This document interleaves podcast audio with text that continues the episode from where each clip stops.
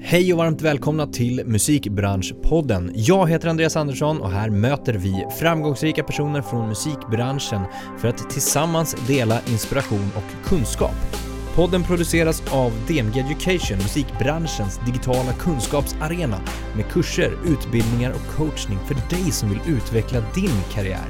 I dagens avsnitt träffar jag Petra Kauraisa som nyligen tillträtt som Executive Director på European Music Managers Alliance, en organisation som representerar över 1800 managers runt om i Europa. Vi pratar om kraften av att gå ihop som organisation och samarbeta, om att hitta sitt varför, både i företaget, organisationen eller hos sig själv. Och även det brev Petra skrev till kulturministern som blev startskottet för bildandet av evenemangsnäringen som träffades varje vecka under ett och ett halvt år under pandemin. Det här initiativet har varit otroligt viktigt för flera branscher, inte minst musikindustrin. Det här och såklart mycket, mycket mer. Petra Kauraisa, välkommen till Musikbranschpodden. Tack så mycket. Mår du bra? Mycket bra, tack. Det känns som att du kommer in med bra, bra energi. Jaha, vad härligt att höra. Ja, ja, men det kändes verkligen som det. Man gör så gott man kan. Du är ju aktuell med en ny roll Ja. eh, som Executive Director på EMMA, eller EMMA, som står för The European Music Managers Alliance. exakt, och det ska vi prata mycket mer om. Men du beskriver dig själv också som eh, passionerad över att skapa förändring och pusha för rättvisa och jämlikhet. Mm, det har jag säkert skrivit någonstans, låter det som. Ja. Hur, hur tar det sig uttryck då? Nej, men det är väl just det. Jag tycker att det som man ägnar sin tid åt, det ska vara någon poäng med det, det ska vara någon vits med det. Ja, och sen så tycker jag att det är ganska tråkigt med saker som är liksom stillastående eller som bara maler på. Utan det ska ta antingen mig eller andra människor från där vi är till någon annanstans. Hur, hur, Förhoppningsvis till någonting bättre. Ja, exakt, för det är det förändring handlar om också. Ja. Att liksom förändra till, ja, eller det, förhoppningsvis till det bättre då. Eh, men just för, som pusha för rättvisa och jämlikhet. Mm. Hur, hur tar det sig uttryck? För mig personligen, Exakt. eller i det jag gör, det är en svår fråga. Eh, jag hoppas att det tar sig uttryck i det mesta jag gör. Att jag har det perspektivet, försöker ha det perspektivet. Och jag försöker också lyfta det. Ja, men kan man liksom skruva på saker så att det blir, så att det bidrar till lite förändring, Mm. vad det än är. För det kan man ju göra med allt. Man, det- man kan ju göra saker på ett medvetet sätt eh, och man kan göra det som man alltid har gjort utan att bry sig så mycket. Eh, Det blir ju intressantare tycker jag. Om man tänker varför gör vi det här och för vem? Och hur kan det leda till någonting annat och kanske någonting lite större? Mm, mm. Och lite som vi pratade om innan, att kanske inte alltid behöver vara det största, största projektet, utan det är de här små Ja, rörelserna som kan ge större effekt också. ja precis. För att alltså, det är ju kanske lätt att tänka att man ehm, det är ingen idé att man ens försöker eller man Mm, kan inte, precis. liksom, saker känns lite stora och oöverstigliga. Men det är de ju aldrig. Alltså det räcker med att man ser till sig själv, sin omedelbara omgivning, vare sig det är på jobbet eller i sociala sammanhang. ehm, Och liksom titta på hur den ser ut, hur man själv förhåller sig till olika frågor eh, och försöker hitta fram till, så som sagt, hur kan jag pusha lite granna? Mm. Vi har ju, till exempel, vi pratade om det innan också, att vi har ju en yrkeshögskoleutbildning som heter Music Business Developer där vi faktiskt den här veckan när vi spelar in nu eh, har en helt ny kurs som heter social hållbarhet Mm där vi eh, vill föra med ytterligare liksom verktyg kring allt det här vi pratar om också, rättvisa, hållbarhet, eh, inkludering och jämlikhet. Tror du att det är viktigt att liksom både utbilda och agera utifrån liksom andra också? Jag tänker mig företag, ledare, att man inte bara agerar utan man har någon slags uppbackning med att jag har kunskap om det här. Ja, men alltså man lär sig ju också medans man gör. Exakt. Och är det ett ämne som man tycker att man vill ägna sig åt, då, eller jag ska inte svara för det kanske, så kanske inte alla är, men då tycker jag i alla fall, då gör man ju sin research, då lär man sig um, medans man gör. Mm, mm. Eh, Så att jag tycker de två sakerna kan gå hand i hand, för det är också ganska jag hör på ibland på folk att man liksom tycker att jag kan inte göra någonting för jag kan inte tillräckligt mycket om det här. Eh, men, och, och, det finns ju en stor vits med det. Det är klart att man ska vara informerad i sina val. Men man kan ju säga, tycka att jag tycker krig är dåligt utan att ha upplevt krig. Mm. Jag kan stödja cancerforskningen utan att ha haft en allvarlig sjukdom, vare sig det är cancer eller något annat. Eh, så att man behöver ju inte alltid kunna allt om ett ämne när man börjar engagera sig i det. Just det där första steget, alltså mm. kan ju föda nyfikenhet. Det gör ju nästan oundvikligen det, Exakt. skulle jag säga. Och att man då kanske utforskar och testar på ytterligare eller lär sig ytterligare. Ja. Vi kommer in lite grann på det längre fram också. Men vi backar lite. Du har ju många år och många olika projekt. Vad är det, finns det några viktiga, viktiga liksom nycklar som du verkligen tar med dig, kunskaper, kompetenser som du känner att du har användning för idag också? Det var en bra fråga. Alltså jag har ju en så här hyfs, jag är ganska högutbildad. Mm. Jag har en fil. i företagsekonomi, jag har en masters i communications management från USC. Liksom. Så att det, där i det akademiska arbetet så lär, lär man sig förhållningssätt och kritiskt granskande och ställa frågor och sådana saker. Um, så det är väl en sak som jag bär med mig som inte alla i nöjesbranschen det är inte, kryllar ju inte av akademiker nödvändigtvis. Eh, och det behövs ju en kombination. Eh, sen kanske inte jag ser mig som en akademiker, men det är ändå det verktyg man får där. Sen är jag ju en extremt nyfiken person. Um, vilket man, om man vill se lite positivt kan man se det som ett verktyg. Mm. Uh, ganska irriterande ibland tror jag, men just att man ställer jättemånga frågor. Ja. Till sig själv, till andra, till projektet. Um, och också titta jättemycket på vad håller alla andra på med hela tiden. Mm. Det tror jag också man har eh, mycket att, att lära sig på. Vad gör folk och varför? Och sen tror jag också att den bredden som jag har också kan bidra. Eh, att jag just har liksom PR, kommunikation, marknadsföring. Eh, det, jag tycker alla de sakerna föder varandra och man lär sig också, om man kan lite olika fält, åtminstone halvhyfsat, så kan man ju se om jag gör det här på PR-sidan så är det bra för de som gör de andra bitarna och vice versa. Det kan ju vara till hjälp för att undvika liksom ett silotänkande och allt för mycket, liksom att varje avdelning håller sig för sig. Det här med eh, att du är, kan vara irriterande och eh, ställer mycket frågor. Är du och, och titta på liksom hur andra gör. Den kombinationen. Är du, ställer du kritiska frågor eller ställer du dig liksom, varför gör vi så här? Eller varför har vi alltid gjort så här? Eller varför gör de så här? Nej, jag är peppig och kul hela tiden, jag är aldrig kritisk. Nej, men jo, men jag kan väl vara lite eh, petig. Eh, alltså att ställa kritiska frågor kan ju vara olika saker det kan ju vara, det kan ju vara ganska destruktivt i ett projekt, för att det, det, det, det är motsatsen till konstruktivt egentligen. För att folk tycker att det är tråkigt, man kom liksom, det för oss inte framåt. Jag tycker alltid förslag är bättre än frågor. Mm.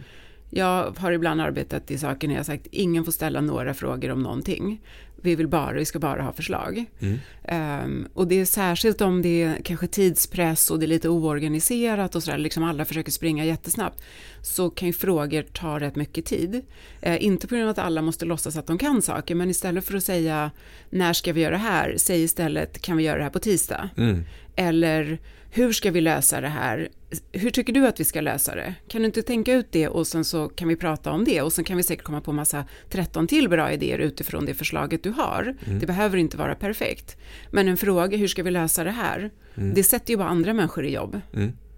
Där har du ju jättemycket tidseffektivisering. Ja. Alltså för att koppla tillbaka till ja. lite grann vad vi pratade om att ja. här, din tid som du använder. Ja. Det är ett superexempel på hur du konkret säger, men det här sparar ju så otroligt mycket tid. Vi ja. behöver inte älta det, de här frågorna.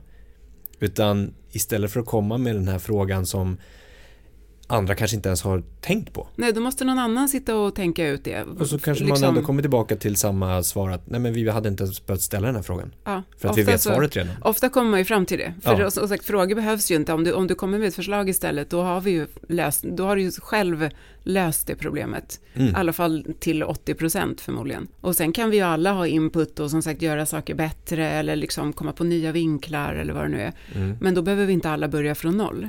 Men det där är jättebra verktyg ändå att ha med dig. Jag tror att det ändå också har, i den rollen som du har nu då, om vi tittar på eh, din nya roll på Emma. Eh, va, va, varför tror du att du har eh, det som krävs för den? Jag får hoppas att jag har det.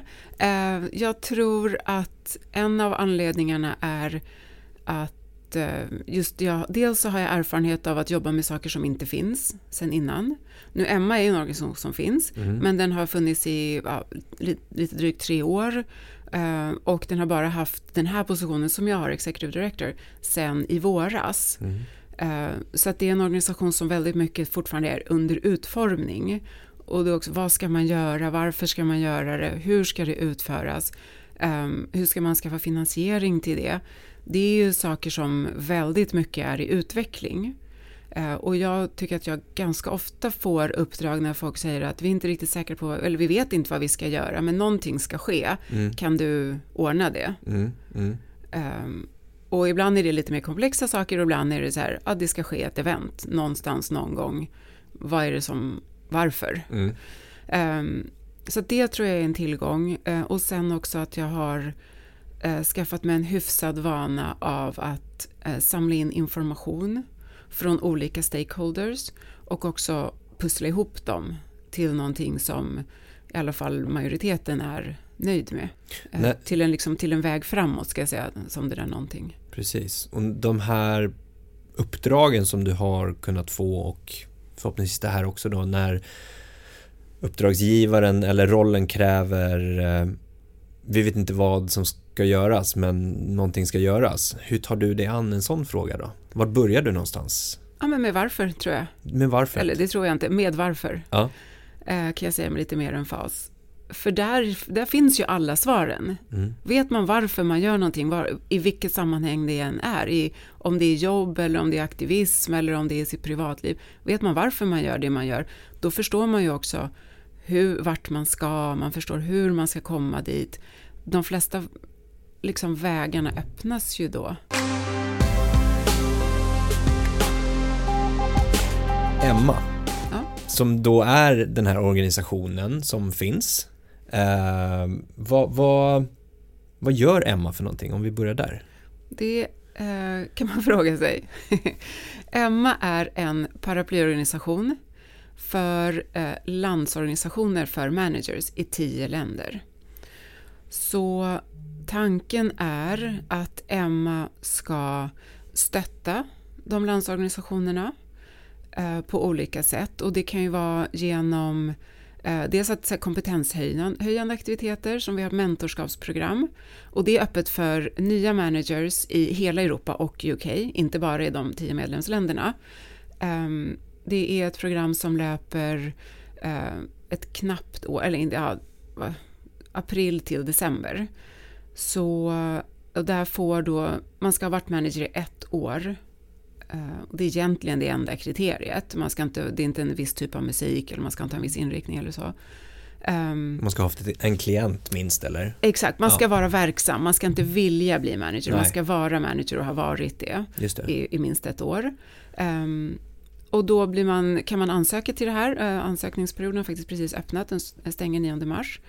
Um, och så om man blir utvald så blir man ihopparad med en mentor. Och har fem mentorer uh, som har två mentees eller adepter var. Och då har, så erbjuder vi um, one-on-one sessioner uh, och också gruppsessioner och workshops. Och vi håller på att utforma det nu.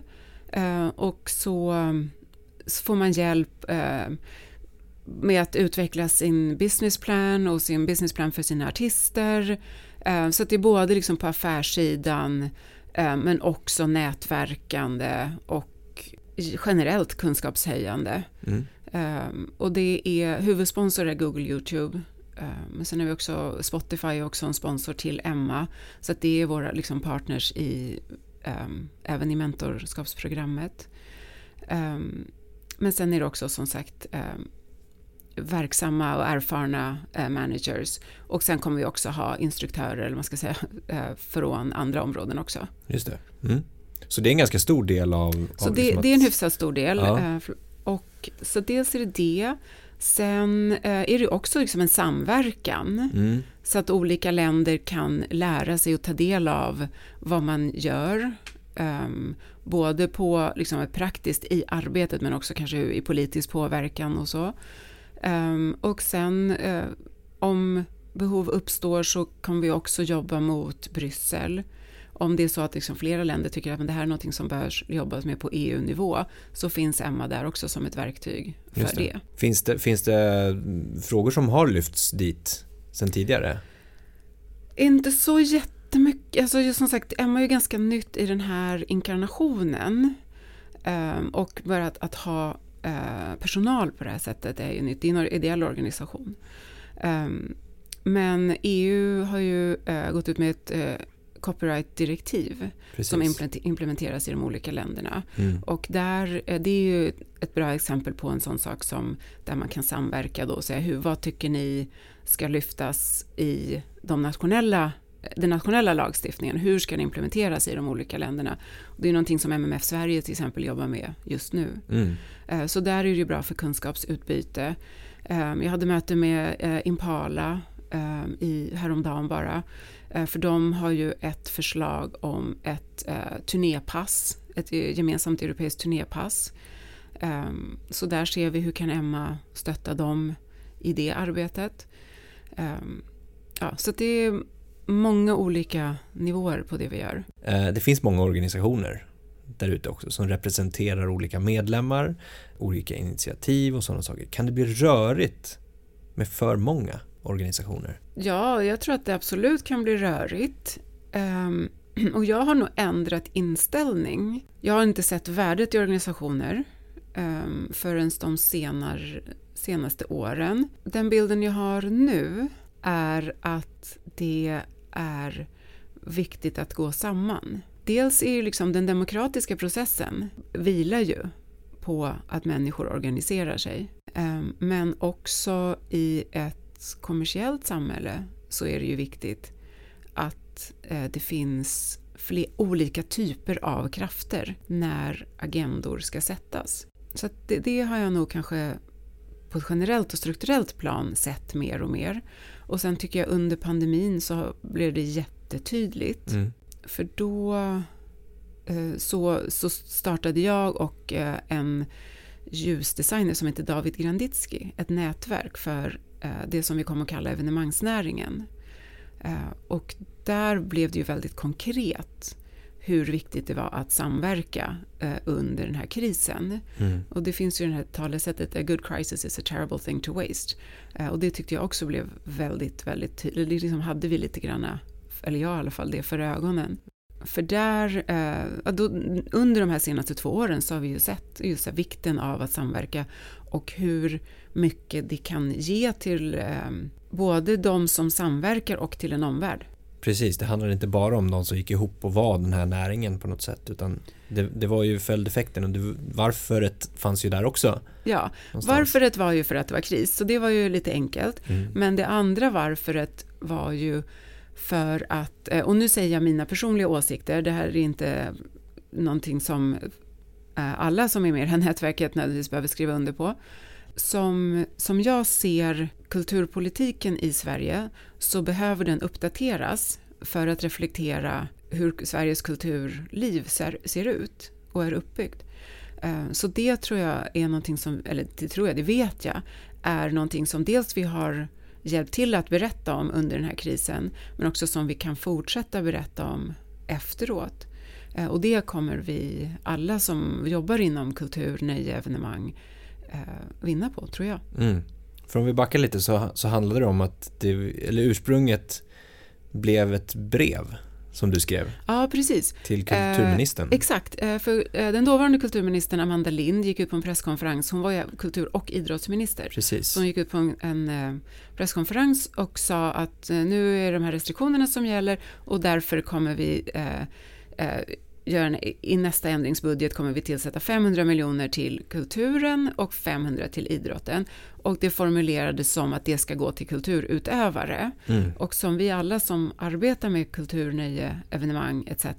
vet så är det, de personerna som kallas kulturutövare en väldigt viktig men inte en särskilt stor numerärt del av branscherna för de som man liksom lite schablonartat räknar in, det, blir, det är skådisar, det är regissörer, det är författare, poeter etc. Eh, och det är ju navet i allt, de är ju navet i allt vi gör.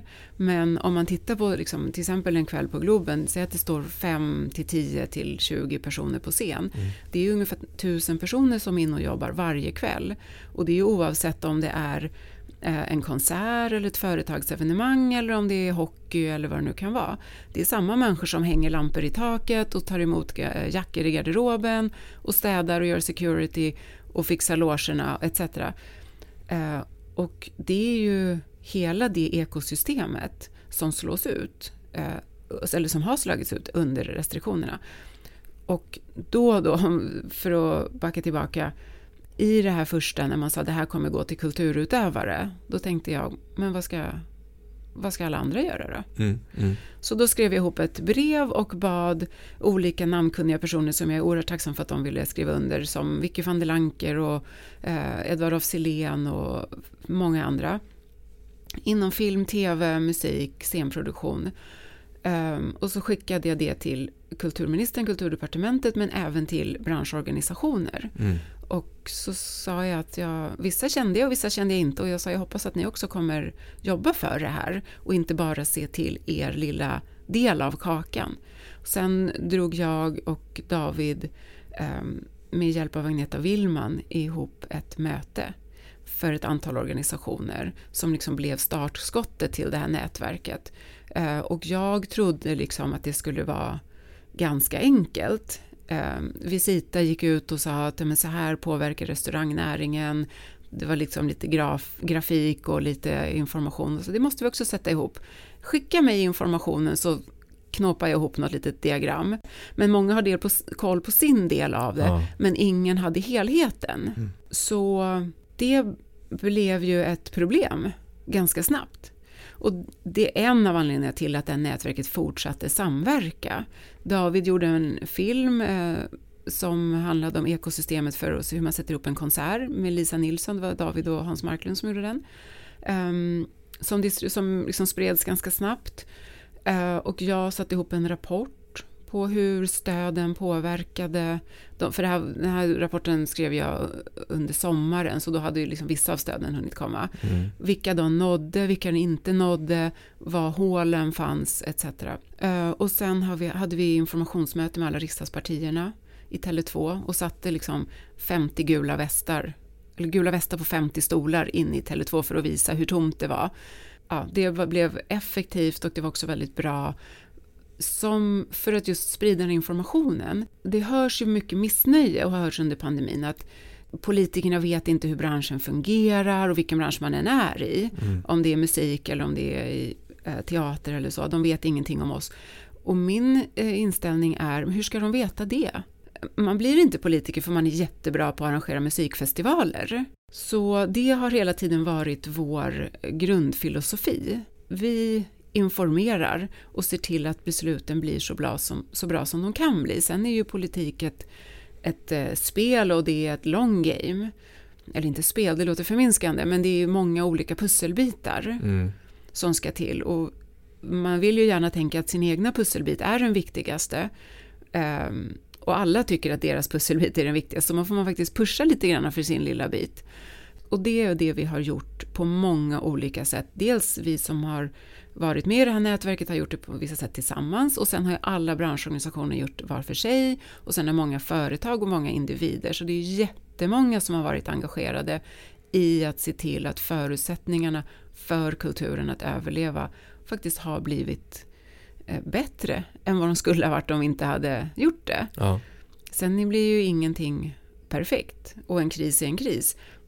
Men det har faktiskt gjort lite förändringar, eller åstadkommit förändringar. Um, och som sagt, en stor del av förändringen är att många politiker, både på eh, nationell och på lokal nivå, nu vet mycket mer Precis. om hur nöjes och kulturbranscherna fungerar. Och det för mig är den stora vinsten.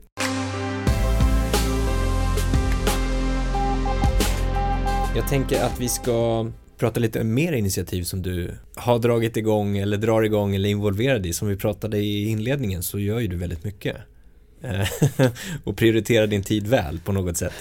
Men om vi tittar på, på um, filmindustrin så var det ett initiativ som heter 50-50 by 2020, eller hur? Mm. Vad, berätta, vad är det för någonting? Jo, men det var som så att eh, Alice Bah, det hände sig på den tiden när Alice Bah var kulturminister, att eh, hon eller departementet tyckte att eh, Sverige skulle vara representerat på filmfestivalen i Cannes. Eh, så att då skulle Filminst Svenska Filminstitutet göra ett evenemang där eh, och eh, berätta om jämställdhet ur ett svenskt perspektiv. Och då, det här var eh, 2016 och Anna Serner hade väl varit VD sedan 11. Ehm, och Anna Serner hade ju en vision om att stöd till eh, filmskapare skulle fördelas jämnt mellan könen. Och då föreslog jag, kan vi inte kalla det här för evenemanget för 50-50 by 2020? För 2020 ligger så långt bort så att om det inte blir så så kommer alla ha glömt bort det.